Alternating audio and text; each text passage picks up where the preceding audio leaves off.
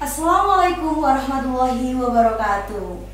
Halo sobat disinfektan, welcome back to Disinfektan Podcast. Podcast menginspirasi persembahan HMPSF Habatus Sauda.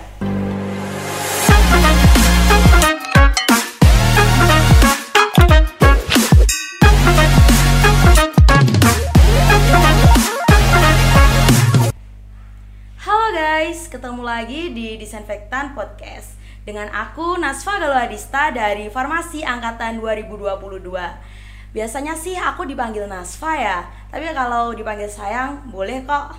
Nggak nggak bercanda bercanda bercanda. Disinfektan podcast kali ini tuh berbeda dari episode-episode sebelumnya. Karena pada kali ini kita kedatangan tamu yang sangat spesial banget nih. Kakaknya perempuan yang cantik, pinter, rajin. Beh, pokoknya masya Allah banget deh gitu. Udah bisa nebak gak kakaknya siapa? Cantik banget loh ini. Oke oke oke tenang. Aku kasih clue yang kedua. Clue yang kedua kakaknya ini adalah salah satu mahasiswi prodi farmasi di UIN Malang. Ada yang udah bisa nebak? Belum. Oke oke tenang tenang tenang sobat disinfektan. Aku akan eh, menjawab rasa kekepoan kalian. Aku akan jawab ya. Kakaknya ini siapa? Oke, ini dia Kak Yuan Tamara. Halo Kak Yuan, gimana nih kabarnya Kak Yuan? Hai, alhamdulillah sehat sih hari ini. Oke Kak, kesibukannya eh, sekarang ngapain sih Kak? Kesibukannya sekarang itu masih di skripsian ya pasti skripsi habis itu masih ada tanggungan penelitian proyek juga dan kemarin baru selesai kuliah nih jadi tinggal ujian aja di Waduh. ujian blognya gitu. Keren banget ya Kak Iwan ini sobat disinfektan. Oke Kak, kan eh, sekarang ini kita itu sedang eh, berkuliah di farmasi ya Kak, menjadi mahasiswa farmasi. Menurut Kakak nih, gimana selama Kakak eh, kuliah di sini itu rasanya gimana aja sih? Kalau menurut aku ya Kak ya ini. nih gimana? Saya kan masih mahasiswi semester pertama ya tapi sudah sedikit tertekan kak kalau kak Iwan gimana nih kak yang mau lulus ini Oke, kalau kamu masih baru aja udah merasa tertekan ya. Bayangkan kalau aku udah mau lulus nih gimana nih berarti? kebayang nggak? Kebayang nggak? Belum ya? udah kebayang. Oke oke. Iya ya, apa ya? Kayak kalau awal-awal dulu waktu baru masuk farmasi, eh, memang aku pun juga kaget gitu. Karena pas masuk farmasi UIN itu langsung dapet tiga identitas baru. Bisa nebak nggak identitasnya apa aja? apa kak kalau boleh tahu ini Yang pertama pasti identitasnya kan sebagai mahasiswa farmasi ya. Iya. Yang kedua Mas Santri ya Mas Santri, bener banget. Mas Santri MSAA dan yang ketiga ada lagi nih berat juga nih. apa kak Nggak tahu ya? Mahasiswa PKPBA. oh Bahasa iya. Arab. Jadi tiga identitas ini tuh kayak kayak sebagai mahasiswa farmasi aja udah apa ya full banget kan jadwal kita. Iya. Kayak kita udah kuliahnya dari setengah tujuh pagi, kemudian masih dibatasi sampai jam setengah dua siang dan kalau angkatanku dulu itu PKPBA dimulai jam 2 sampai jam 5 sore dan di Ma'had itu juga ada kelas setelah subuh sama setelah isya gitu jadi kayak penuh banget gitu kan dan walaupun kita jurusan kesehatan nih tapi awal-awal dulu itu kayak setiap hari itu atau setiap minggunya itu pasti kita bakal sakit gitu loh. Saking fullnya jadwal gitu. Sampai perlu suntik vitamin B itu juga perlu loh waktu itu. Tapi semakin ke sini eh yang aku apa ya yang aku simpulkan sebagai anak farmasi itu kita itu multi talent loh. Tahu nggak multi talentnya itu kira-kira dari segi apa? Eh, dari segi nggak sih kak karena kita kan juga. Iya benar sih. Kayak kita kan multi talent mempelajari eh, apa namanya ilmu-ilmu apa yang ditaklim itulah Ya, ya, Islam lah ya, Islam Islam lah ya bener-bener. Terus juga di farmasinya sendiri pun kita juga multi talent istilahnya. Omnivora malahan istilahnya. Kayak semua mata kuliah semua bidang ilmu itu kita pelajari nggak sih? Mulai dari Iya. sel-sel mikrobiologi kita pelajari senyawa senyawa senyawa kita juga belajar kan ya. Senyawa kemudian malah kita harus mencari senyawanya itu. Kemudian kita harus melihat di sisi patofisiologinya farmakologinya. Bahkan kita juga membuat obatnya menguji obatnya juga. Belum lagi di uh, kalau di semester akhir itu udah mulai di manajemen farmasi, farmasi ekonomi, jadi kayak uh, ilmu-ilmu tentang manajerial itu kita juga belajar gitu. Jadi kayak kompleks banget, nggak cuma uh, belajar mengenai kesehatan aja intinya gitu sih. Jadi yang awalnya cuma mikir uh, kita capek sebagai mahasiswa farmasi, ternyata sekarang uh, berpikir kalau ilmu yang kita dapatkan itu benar-benar melebihi ekspektasi gitu. Kalau aku merasanya gitu ya. Berguna banget ya untuk ke depannya uh, soalnya kan kalau di Mahat pun kita diajari buat akhiratnya ya kak ya yes, betul sekali ini gimana nih para sobat-sobat disinfektan udah kebayang kan bagaimana rasanya menjadi mahasiswa tingkat akhir ya kak ya. Pastinya sulit banget ya. Saya saja yang masih mahat beberapa bulan juga sudah merasa ingin keluar ya kak. Tapi jangan. Soalnya ada sertifikat ya kak ya. yang kedua nih kak uh, sebagai mahasiswa farmasi dengan dengan kesibukan yang sangat padat seperti yang diceritakan kakak tadi ya kak. Ada yang mahat terus kan ya lain-lain juga kan kayak farmasi nggak mempelajari cuma satu hal saja ya kak ya. Kita sebagai mahasiswa farmasi tuh bisa nggak sih kak aktif gitu di bidang akademik maupun non akademik kalau denger-denger nih ya kak ya e, kakak itu pernah ikut penelitian-penelitian di sama dosen ya kak ya boleh nggak sih kak ceritain gimana awalnya kakak bisa ikut penelitian bersama dosen-dosen biar para sobat disinfektan di rumah juga punya kayak e, gambaran oh gini ya caranya oh gini rasanya bisa diceritain juga lika-likunya itu gimana kak Oke, jadi memang kalau uh, ngobrolin tentang bisa aktif apa enggak itu pasti kita bisa aktif ya. Bener banget sih bisa aktif di akademi maupun non akademi kayak gitu. Nah kalau untuk ini ya penelitian dosen ini ya, kamu dengar dari mana ya? Kok kamu tahu aku ikut proyek dosen?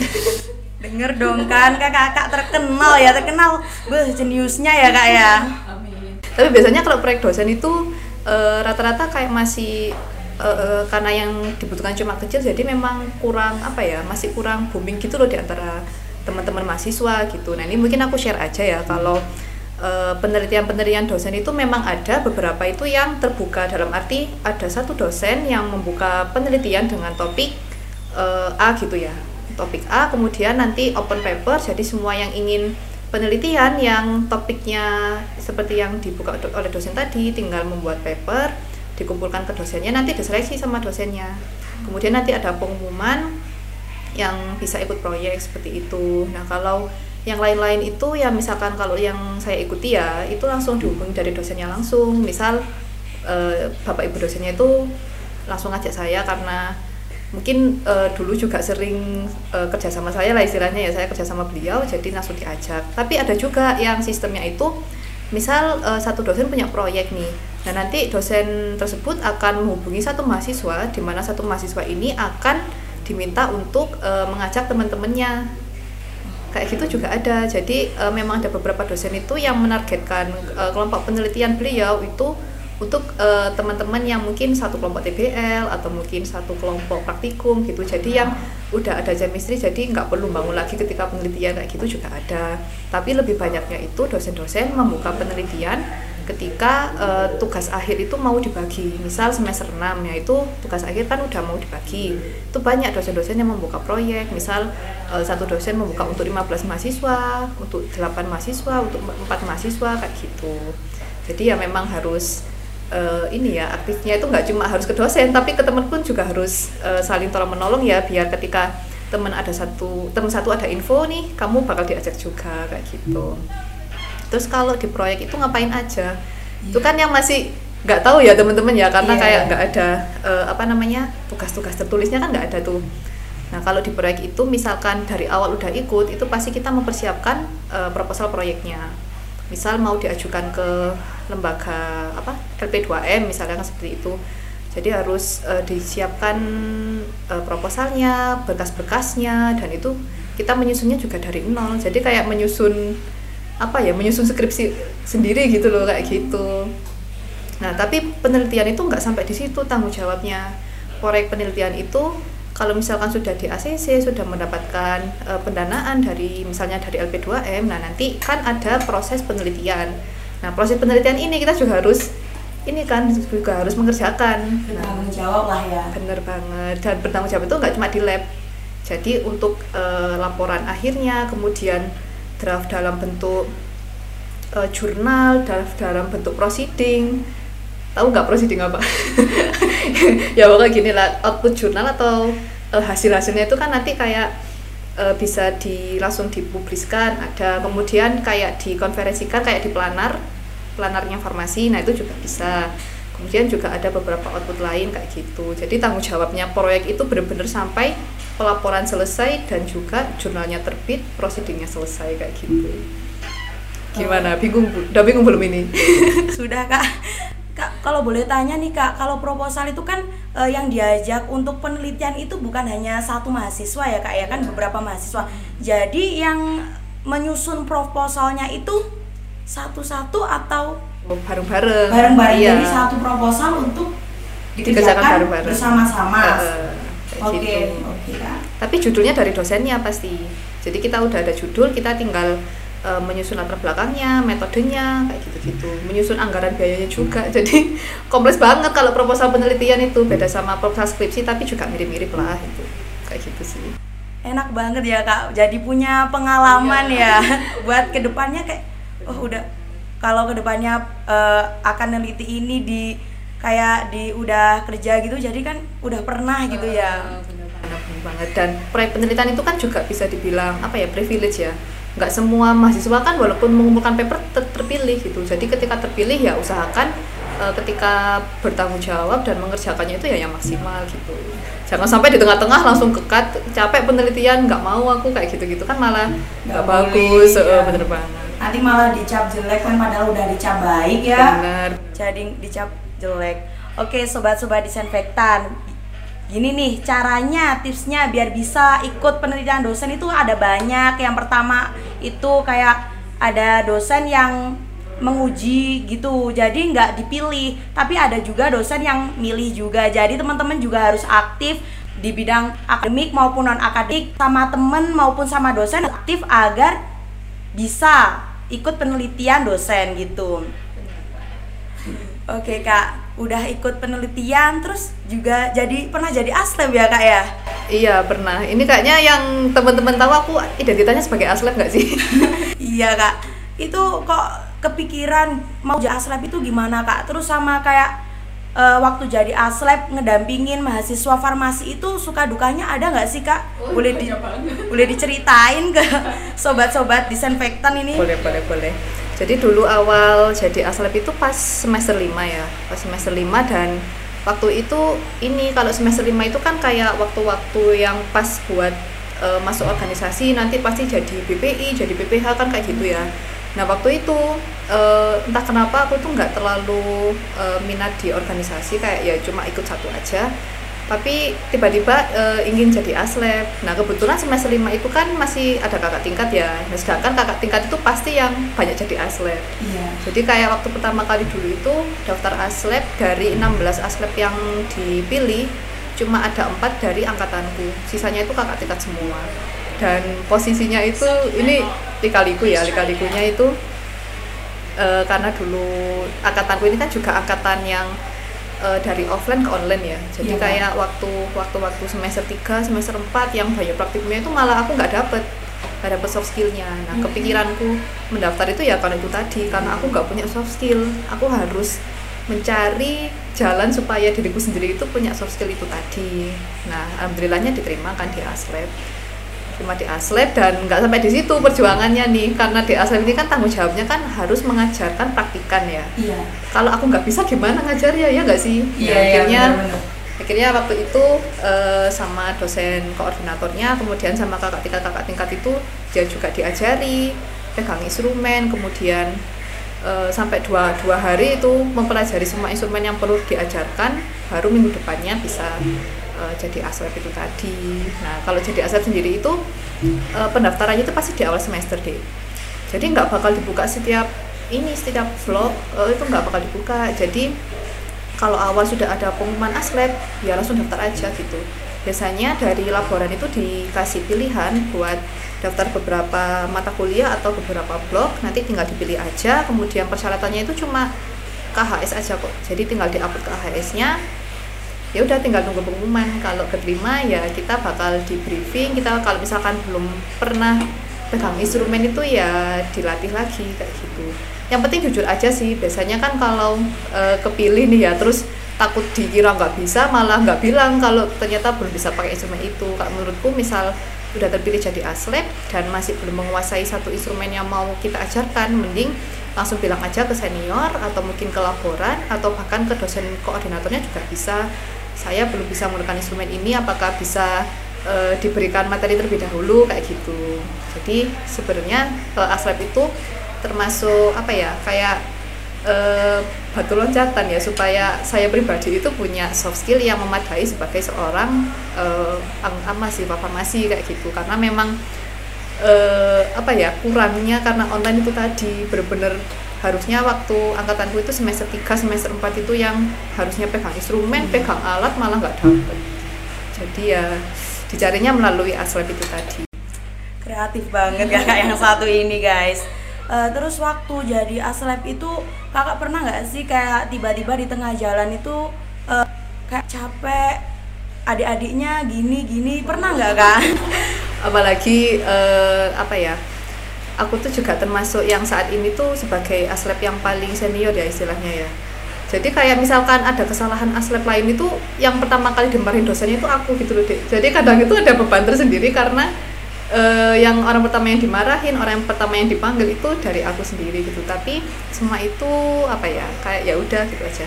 Salah satu uh, resiko yang harus aku tanggung itu ya itu tadi dimarahin oleh dosennya. Kalau misalkan ada miskom antara praktikan atau mungkin antar laporan juga kemudian belum lagi kalau sama praktikannya itu kayak dibilang kalau ngasih nilai pelit kayak gitu-gitu itu udah biasa itu. Jadi kalau jadi asal itu telinganya harus ini banget ya kebal banget ya. Harus kebal banget gitu. Belum lagi kayak e, misalkan ngasih tahu praktikan ya cara perhitungan gitu ada beberapa praktikan itu yang udah dikasih tahu tiga kali tapi masih nggak paham gitu loh. Jadi kayak kita juga ada beban moral buat mengajarkan sesuatu sampai mereka itu harus bisa. Benar-benar paham gitu bener ya. Benar banget. Jadi kayak bebannya ada di situ sih tapi semua itu akan apa ya akan ya udah gitu aja. Hmm. karena kita memang niatnya kan untuk pertama belajar untuk diri kita sendiri dan uh, yang kedua kan memang untuk uh, mengasih tahu ke teman-teman praktikan kayak gitu banyak kok manfaatnya itu. Ya. gini nih sobat-sobat disinfektan udah pada pengen jadi asle belum? Enak banget loh kayaknya ini seru gitu. Dapat ilmu dapat pahala lagi. Bener banget. Kakak sendiri udah jadi asle itu berapa semester kalau boleh tahu? Semester 5 itu satu blok. Jadi satu bulan habis itu semester 6 itu ambil dua blok. Sambil skripsian sambil jadi aslep dan waktu itu juga masih di organisasi masih banyak kegiatan gitu kan. Jadi semester 6 itu hektik banget. Dan semester 7 kemarin juga masih uh, ngajar eh ngajar apa jadi asep lagi juga di satu blog itu. Sebenarnya ini ada cerita ini juga kok yang bikin apa ya kayak alhamdulillah aku jadi asep kayak gitu. Yeah. jadi kemarin itu uh, sempet ada ujian akhir praktikumnya angkatanku. Yang terakhir kali selama S1 nih terakhir oh. kali banget. Itu kan kayak modelnya itu kita dikasih resep di mana satu resep itu pasti beda nih satu anak. Ada yang dapatnya tentang obat diabetes ada yang dapat tentang obat narkotika ada juga yang dapatnya tentang hipertensi ada juga yang dapatnya mungkin selesma tapi harus peracikan. Nah aku dapat yang peracikan nih ceritanya. Dapat yang peracikan dan peracikannya itu kapsul.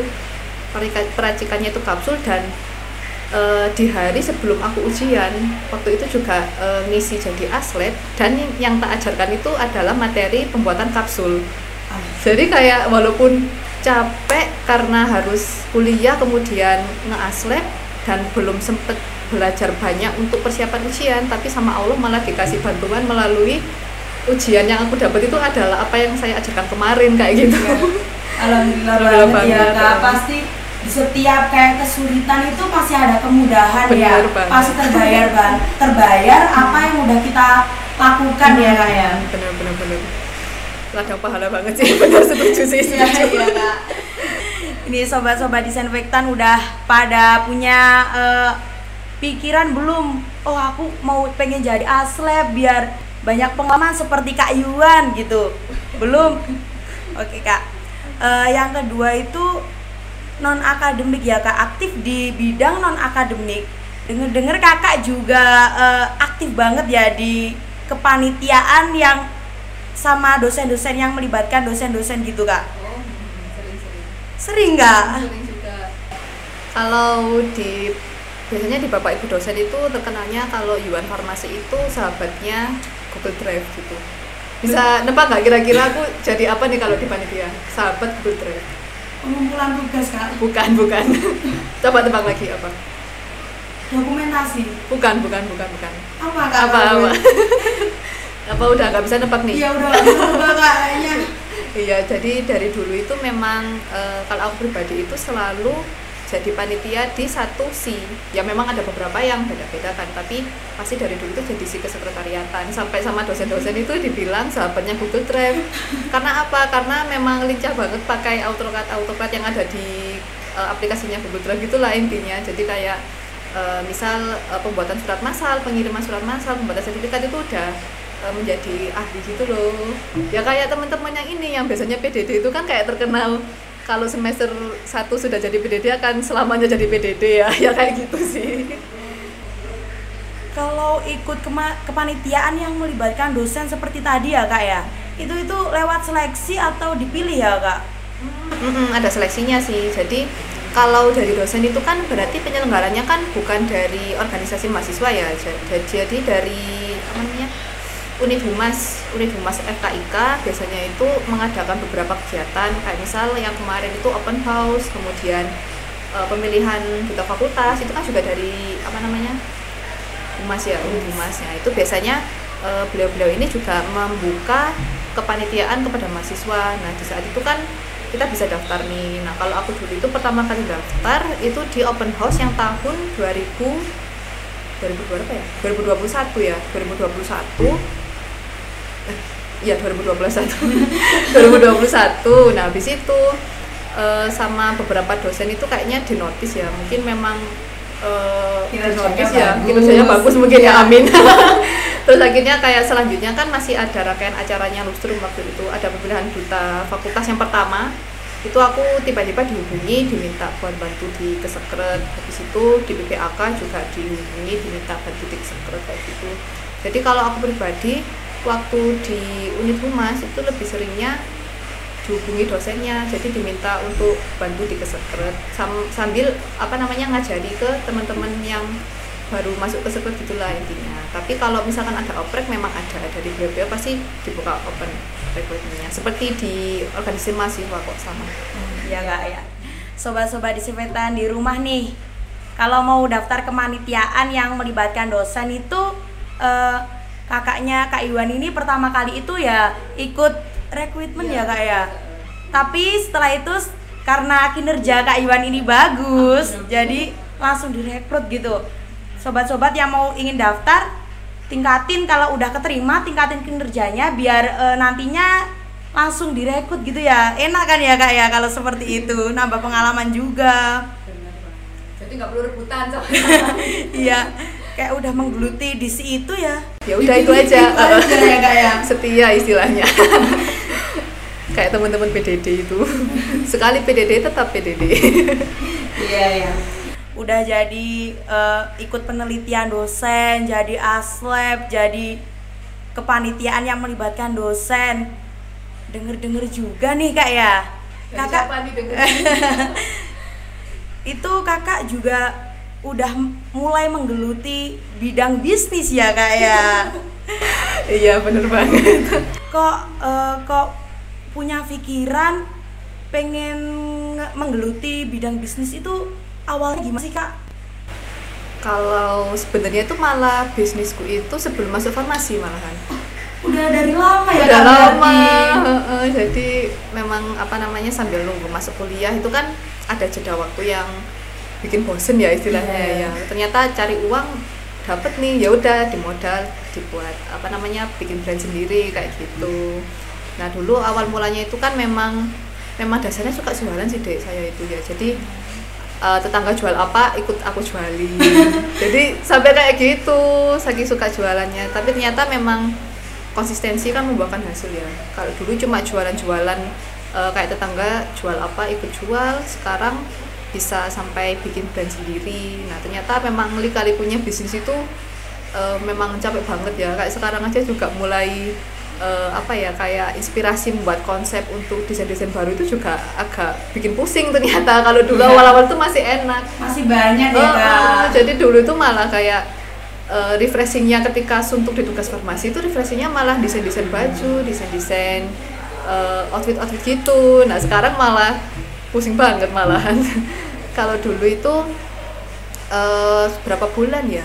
Dua bulan kalau nggak salah itu bisa menghasilkan uh, untung yang bisa aku jadikan modal sebagai uh, modal awalnya di brand brand hijab aku itu nah habis itu karena dulu masuk mahatnya itu bulan Agustus jadi kayak baru dua bulan merintis apa namanya bisnisnya itu udah harus tinggal di mahat nih. Kan jadi mobilisasi kan agak terganggu gitu ya. Agak terganggu jadi dan aturan mahat kan nggak boleh jualan kan waktu itu. Iya. jadi kayak harus berpikir lagi nih gimana caranya memasarkan apa yang sudah eh, jadi produknya kayak gitu. Akhirnya udah menemukan jalan dan ternyata memang ini ya lagi-lagi mahat itu walaupun kadang kita pikir sebagai penghalang itu malah berkahnya ada di situ nggak sih? Masa Iya, iya. masa dulu itu kayak gini satu bulan itu nggak pernah pulang sama sekali ya. Mesti sama eh, yang punya toko yang aku apa titipin jilbab-jilbab aku itu tanggal setiap tanggal 29 itu dihubungin disuruh eh, ke toko soalnya memang jilbabnya udah habis gitu. Jadi kayak malah ketika di Ma'had itu satu bulan fokus di Ma'had di kuliah di PKPBA tiba-tiba setiap tanggal 9 udah dapat uang nih dari bisnis itu tadi.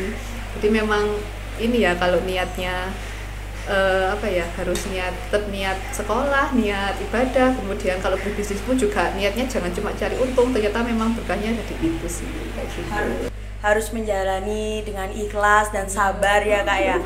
Eh, kalau boleh tahu nih kak tadi kan katanya di toko terus dapat uang gitu ya kak. Jadi itu dititipin di toko sebuah toko atau beberapa toko gitu kak?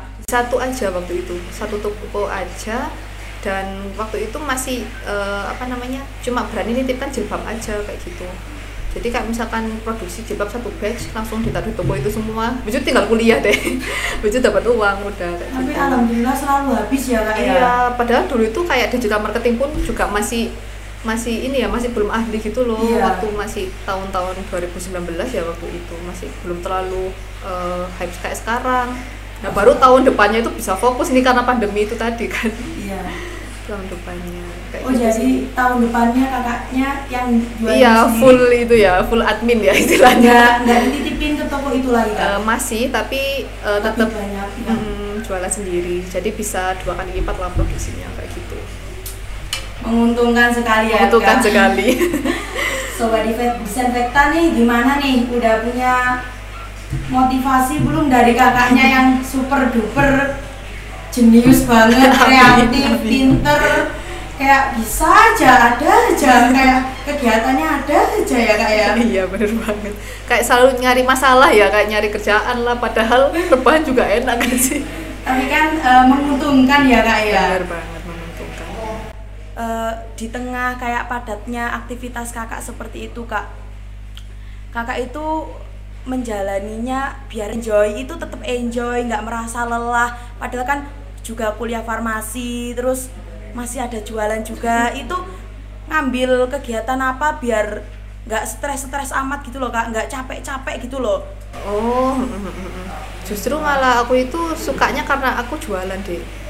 Jadi memang kadang hobi orang-orang kan beda, memang beda ya. Kayak memang eh, biar nggak suntuk setiap hari harus harus main. Ada Iya. juga yang setiap hari harus baca buku. Ada juga yang setiap hari harus gambar kayak gitu kan. Nah kebetulan aku itu yang jualan. Jadi kayak keseharianku itu juga eh, menyenangkan karena hobiku ya yang yang itu tadi. passionnya ya udah passionnya jadi senang berarti tips triknya biar kita tetap aktif walaupun capek itu ya harus mencari kegiatan yang sekiranya kita itu senang ya kak ya. Walaupun capek ya tetap senang. Soalnya ya Ya kesukaannya di iya iya iya kak. Kesukaannya di situ. Oke kak, ada nggak sih kak saran gitu buat para mahasiswa farmasi sobat disinfektan yang ada di rumah biar kayak tetap bisa aktif gitu kak? Ada nggak kak? apa ya saran ya? Ini kayak kayak aku udah paling paling produktif banget gitu ya. Padahal enggak juga loh padahal tapi menurutku itu ketika ingin menjadi produktif atau mungkin menjadi lebih apa ya lebih aktif dari biasanya itu harus tahu pertama ya menurutku itu harus tahu kapasitas diri kita dulu. Misal nih kayak aku e, bisa di e, kuliah sambil jualan nih. Nah tapi kan harusnya nggak cukup nggak cukup tuh kalau dua hal ini menjadikan aku produktif. Aku harus bisa menjalankan hal lain di luar kapasitas itu tadi. Jadi memang pengembangan kapasitas itu menurutku perlu tapi ya itu tadi harus tahu kapasitas mana yang mungkin kita uh, suka untuk mempelajari kita enjoy untuk mempelajari dan kita nggak cuman FOMO atau itu apa ikut-ikutan aja gitu loh. Jadi ya kalau misalkan memang niatnya jualan ya jualan karena kamu punya konsep jualan karena kamu memang ingin membangun sebuah brand. Jangan cuma jualan karena kamu butuh uang. Nah itu harus ditata nih niatnya kayak gitu. Terus menurutku juga uh, apa ya biar produktif itu kalau di teknis ya teknis itu misal biasanya itu kalau udah kena HP itu kan udah ini gak sih? Ya, langsung kayak gak fokus gitu ya? Kesadaran kayak ya, bener. udah fokus HP terus gitu. bener bener bener. Jadi menurutku kalau misalkan kalau itu dari segi apa ya saranku yang tentang kapasitas ya kalau dari segi teknis itu misal uh, kamu harus berani memberontak ke diri sendiri kalau misalkan melakukan suatu hal itu lebih dari jadwalnya menurutku. Jadi tulis aja semua hal yang ingin dikerjakan hari itu kalau bisa sih dengan jam-jamnya ya dengan jam-jamnya. Tapi kalau misalkan nggak bisa juga nggak apa-apa. Nah jadi ketika di distract sama misal main HP atau mungkin diajak uh, main temen lah itu kamu berani buat menolak sehingga kamu masih bisa produktif dari itu. Tapi ya sebisa mungkin selesaikan semua to-do list kamu hari itu itu kan juga sudah termasuk produktif nggak sih? Baru nanti ada sisa iya. waktu kita bisa melakukan hal yang kita senang. Jadi balance nih antara semua aktivitasmu kemudian kamu masih istirahat iya. dan uh, apa namanya nggak ada ceritanya ke distract adanya ya aku main HP karena udah selesai kerjaanku kayak gitu. Kalau uh, istirahat itu enaknya itu semuanya udah selesai terus kita bisa kayak main-main meluangkan waktu buat diri sendiri lah me lah kayak gitu ya kak. Uh, tadi kan kakak bilang kalau kita itu harus mengembangkan kapasitas diri kita ya kak. Berarti kita itu harus kayak uh, itu nggak sih kak? Menekan diri kita nggak sih kak? Benar. Jadi kamu tahu nggak sih istilahnya keluar zona nyaman? Tahu nah, tahu tahu itu kan pasti prosesnya itu susah. Nah itu kalau kalau aku menyebutnya itu pengembangan kapasitas diri. Mau nggak mau kita harus memaksa diri kita untuk mau mengerjakan suatu hal di luar kemampuan kita. Atau mungkin kita mampu sebenarnya tapi pikiran kita kan kayak kayaknya aku nggak bisa deh kayak gitu iya, kan. overthinking dulu kan. Nah itu memang harus dilawan nih. Positif thinking aja pasti bisa. Ada kata salah ya udah direvisi atau eh, udah direvisi. Ya udah diperbaiki lagi kayak gitu. Jadi uh, pengembangan kapasitas diri itu menurutku konsepannya hampir mirip lah sama keluar dari zona nyaman. Dan caranya dengan memaksakan diri. Kalau nggak dipaksa ya, tidak terbiasa. Ya, benar kan kalau nggak dipaksa nggak berani nggak berani mencoba hal yang baru kan ya kita nggak tahu ya rasanya seperti apa jangan takut salah dulu ya kak. Apalagi buka tiktok overthinking ya nggak jadi jadi ya sobat disinfektan oke kak. Kan dari uh, semua keproduktifan keproduk apa keproduktifan kakak ini kak. Ada nggak sih kak uh, kayak seseorang yang ngebuat kakak jadi seperti ini kayak motivasi memotivasi gitu kak? Ada nggak kak? Hmm apa ya motivasi ya? Kalau aku pribadi itu misal yang memotivasiku untuk bisnis itu kayak ada sendiri. Kemudian untuk rajin kuliah itu juga ada sendiri gitu loh. Tapi yang jelas itu uh, apa ya?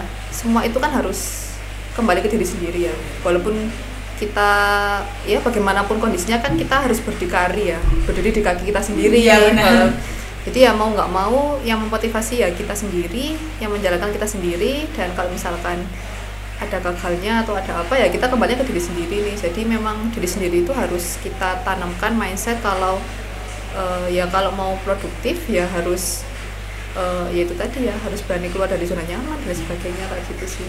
Iya harus percaya sama diri sendiri hmm, ya kayak uh, gimana ya kak ya? Kayak kita itu yang ada di saat apa pun susah duka ya hmm, diri sendiri. Yang sendiri. menguatkan juga hmm. diri sendiri. bener, bener, bener, walaupun kita punya orang lain tapi kan orang lain itu bu, kita nggak boleh menjadikan orang lain itu rumah ya kak. Soalnya bener. orang lain itu bukan rumah yang menetap ya. Iya. kan rumah ya diri, sendiri, sendiri. ya. Jangan sampai kehilangan jati diri bener, ya benar kan bener, bener Oke, para sobat disinfektan, karena kita juga terbatas waktu nih. Pertama-tama aku mau ucapin terima kasih dulu ke Kak Iwan karena udah menyempatkan waktunya dan berbagi pengalaman kepada aku dan para sobat disinfektan ya Kak. Terima kasih banyak Kak Iwan.